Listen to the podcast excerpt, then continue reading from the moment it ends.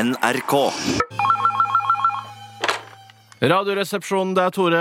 Tore, Tore, Tore, Tore. Jack Maurseth som ringer deg fra Wonderful Hønefoss i Buskerud. Hei sann, sveisa på deg sann, og tjobing og fallera.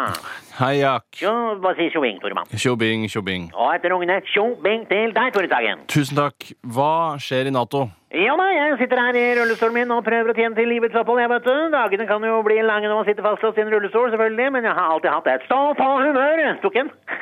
Tok en. Ja, men- Stå på humør. Ja, ja, men sann, tjoing og tre ganger tre hipp hurra for at den bilulykken tok fra meg føleligheten i begge beina, for hadde jeg hatt to velfungerende bein, Tormann, så hadde jeg sannsynligvis vært for aktiv. Hm. Noen avrevne nervetråder skal ikke få sette kjepper i hjula på Jack fuckings Maurseth, nei. Karpe Diem og Lev i dag som den var den siste. Se muligheter der andre ser utfordringer, Tormann. Har du sittet oppe og lest sånne selvhjelpsbøker igjen nå, Jack? Hva mener du nå? Hva- Hvorfor tror du det? Nei, det høres bare litt sånn ut. Altså, jeg har alltid, alltid hatt ekstrem selvironi på mitt eget handikap. Alltid! Det er jo bra det, da, at du har selvironi på at du er lam.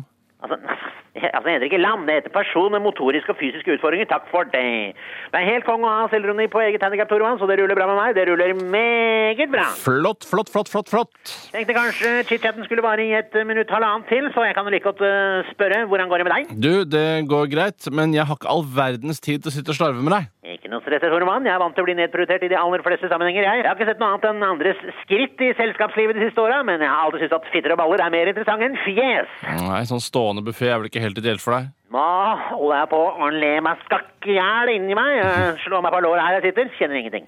Nei, det var ikke sånn ment, da, Jack. No problem. Jeg skjønner at dere gående har masse å gjøre, mens jeg må sitte her og stirre på pinnsamlinga mi fra OL 94 og vente på at hjemmesykepleia, og som jeg nå har blitt ulykkelig forelska i, skal vaske meg i rassen og stjele en 200-lapp fra lommeboka mi. Så hei opp og tjokkedori sei, no problemo. Jeg peller opp signaler som en radar. Oi, der kom det ei lita tåre.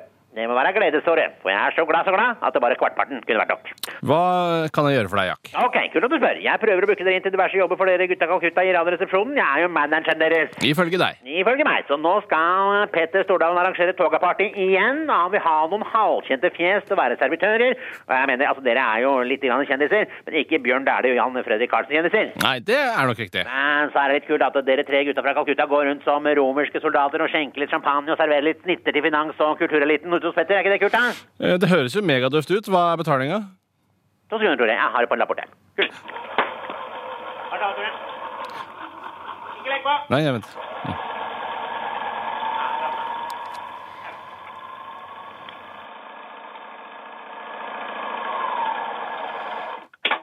kroner på deling. Glem it! No sweat, det, Tore. Jeg har ikke lovt Petter Stordalen noe, jeg, så det er null stress. Jeg ringer raske menn, jeg har ikke noe problem. De stiller, de. Takk for hjelpa og hils gutta så mye. Jeg ruller tilbake i hølet mitt og ringer hvis det dukker opp noe. Den er grei. Ha det! Ta det her. Hei.